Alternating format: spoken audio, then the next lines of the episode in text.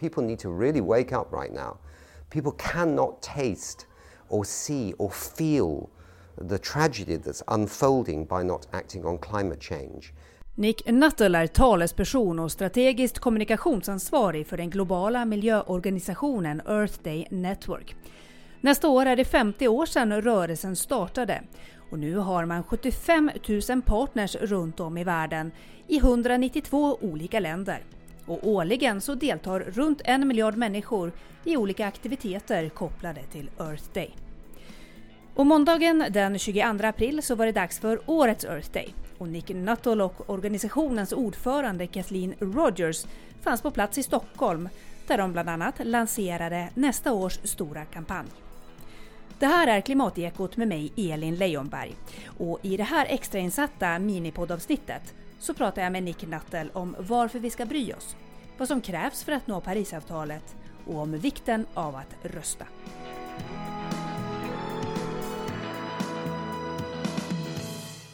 So we announce a theme every year. I'm delighted to say that the theme for 2020 is going to be climate change. And uh, we create the theme, we create the, the information that supports people's activities. And people just get out. Sometimes it's entry point stuff, like maybe a cleanup of their local community. They're just kind of learning, or in a sense, about the environment. But for others, uh, it can inspire them to, to much higher things. It inspires artists and musicians as well.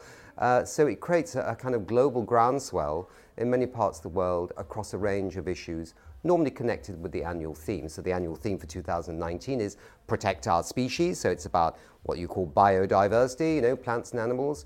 Uh, they're in serious trouble right now. And next year will be the big existential issue uh, of climate change. So tell us about that launch you did today. Yeah, the launch today has been basically a social media launch. Uh, you know, I'm uh, very pleased to announce that one of our major campaigns that's going to be for 2020, but will start right now uh, through 2019, is uh, a campaign called Vote Earth. And basically, we want people to get out, really research the, the candidates in national elections all around the world, and basically find the ones that have the strongest climate change policies and vote for them and also to hold account those candidates that don't have climate change policies. Why? Why not? Particularly young people, because if you look at the statistics of young people voting, it's often a bit too low, quite frankly. And we want to reflect the, the urgency of the school strikes that are going on right now, the new mobilization of youth and children, uh, and of a younger generation, because the future for them will be very grim if we don't deal with climate change. And they need to basically decide what kind of future leaders they want. They should vote Earth. We also have uh, this big election coming up in May in Europe to European Parliament. Exactly. So our first target is the European elections, which take place between the 23rd and the 26th of May. And so that is our main first uh, engagement on this campaign, Vote Earth. And we will then pivot into the many, many other national elections that are happening this year in Europe, but around the world. And next year in 2020, there's more than 60 uh, national elections, including in the United States. So these are very important. I mean, who, who you actually vote into power will have a pivotal role on whether they actually make the right policies for the right reasons, for the right kind of future that every human being requires, or whether they're going to continue to drag their feet and whether they're going to continue to fiddle around the edges and not really seize the opportunity of what a climate change transition actually means.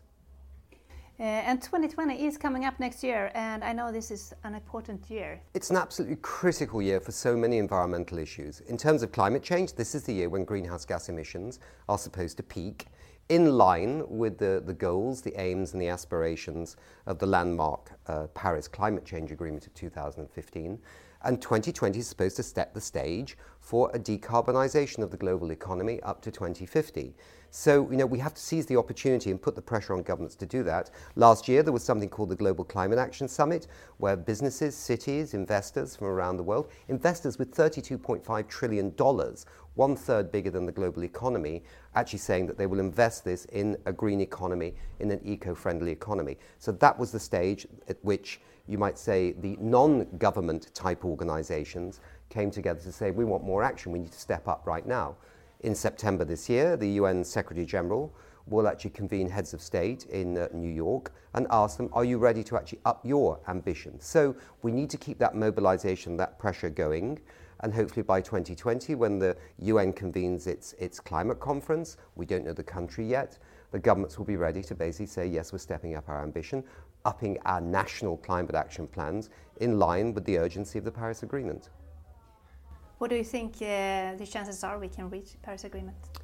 Well, you know, already there are dozens upon dozens of countries that have actually shown you can decouple economic growth from pollution. And they're mainly in the developed countries because maybe they started off earlier. Uh, they're still behind the curve, but we're seeing this decoupling. Can we do it? Yes, of course we can. I mean, it's about, you know, we have all the technology to actually make a change. We have more money in the world right now flowing around the system than we've ever had. The problem with it is that basically it, not enough of it is actually going into financing the transition to a green economy, to a low carbon economy, which is a crazy thing because right now interest rates are so low in most countries that people in some countries are actually paying banks to look after their money. Why don't we take that money and actually invest it in, in, in the kind of transitions we need so we can guarantee a healthy, functioning planet uh, for this generation, but more particularly for the next generation and the next generation after that. What is the best way, you think, to fight climate crisis? It has to happen in multiple directions. But I think one thing is that we have to make sure that governments have in place the kinds of policies that basically say to the financial markets, you know, enough is enough. We don't want you to finance environmental degradation. We don't want you to finance the destruction of this planet. We don't want short termism over a long term transitional investment. So that's absolutely critical. Central banks setting policies, governments setting policies, and stock exchanges and other types uh, uh, uh, of institutions in the financial area. The other thing is we need to mobilize citizens because right now 100 cities, mega cities are moving on climate change, thousands and thousands of more small cities, over 500 large corporations are aligning their emission reduction pathways with the Paris Agreement, and many governments are moving too. But the fact is it's a fragile transition because right now the citizens, many citizens, are sitting and watching and waiting, and they need to come out and basically demand what they want because citizens give governments and corporations the license to operate. And right now, they're not quite sure what license they're giving them. They need to give them a transformational license that will actually change the dynamics of the global economy. How do we need to communicate to make people care? Interesting question, right? I've been in uh, communications director for many UN agencies, and I was a journalist on the Times newspaper in the 1990s, covering environment and stuff. And sometimes you think you have to shock people, sometimes you have to give them optimism. I think you need a bit of both. I think you need good cop and bad cop. People need to really wake up right now. People cannot taste or see or feel the tragedy that's unfolding by not acting on climate change. And I think people need a really strong wake up call right now because the Paris Agreement was fantastic in 2015, but it came late. It should have happened in Copenhagen in 2009. So we are, as a world, moving in, in ways we've never dreamt of. Renewable energy is doubling now every 5.5 years, perhaps even faster. We're now seeing the electrification of transportation systems, which once were a bit of a joke, right? And so all kinds of things are happening which people don't even notice, and yet there are loads of areas where we're not moving. Our agricultural systems, the way we're treating forests and soils, what's happening to our oceans, all the natural infrastructure that we need just as much as the technological and technical infrastructure to make this transition. Finally, to everyone out there wanted to do something, what do you want to tell them?